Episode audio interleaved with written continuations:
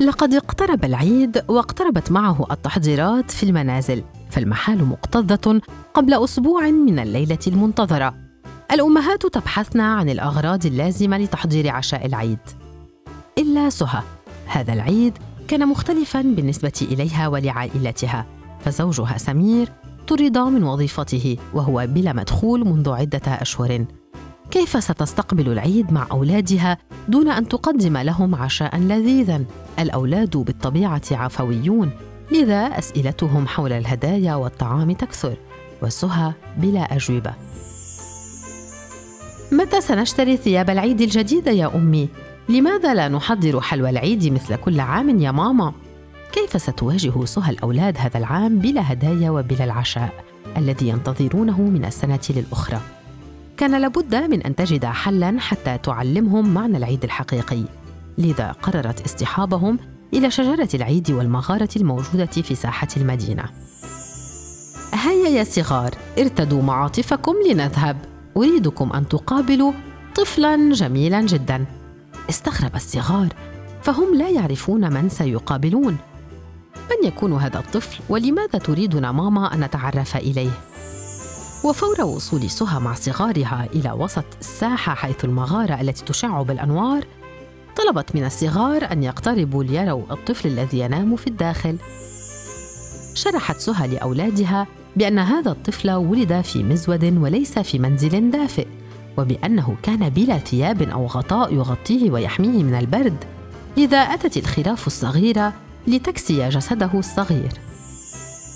إضافة بأنه لم يكن لديه الغذاء الكافي لكن لأنه طفل جيد أتى الجميع ليحتفل به وقدموا له ولوالديه الكثير من الهدايا. أخبرت سهى أولادها بأن هذا الطفل هو المحتفل به في ليلة عيد الميلاد وبأنه على الرغم من ذلك لم يرغب يوما بشيء ولا بهدية سوى المحبة. قالت لهم إنه هو طفل العيد وإنه هذا العام يريد منهم أن يقوموا هم بتقديمه هدية له وهي الصلاة. فرح الأطفال وراح كل واحد منهم يتكلم مع الطفل في المغارة ويسأله ما يريد. هذا العيد ستنقص الحلوى وطاولة الطعام لن تكون مكتظه كالأعوام التي سبقت لكن قلوب الأطفال ستكون ممتلئة أكثر مما سبق.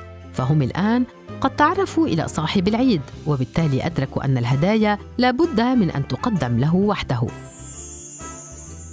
أتت ليلة عيد الميلاد وحضرت سهى عشاء متواضعا جلس الأولاد مع والديهما وقبل أن يبدأوا بتناول الطعام صاح زياد.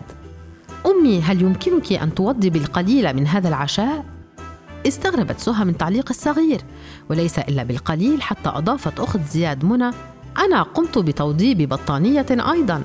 سألت سهى عن سبب توضيب الصغار هذه الأمور فكان الجواب البريء من قلوب نقية بأنهم يريدون أن يأخذوا هذه الحاجيات للطفل يسوع لأنه بحاجة إليها خصوصا أنه صاحب العيد فلا بد من أن يحتفلوا معه. فرحت سهى لأن أولادها لم يتأثروا بماديات العيد فغياب العشاء والهدايا كما وجودها بالنسبة للصغار بما أن المحبة موجودة في قلوبهم.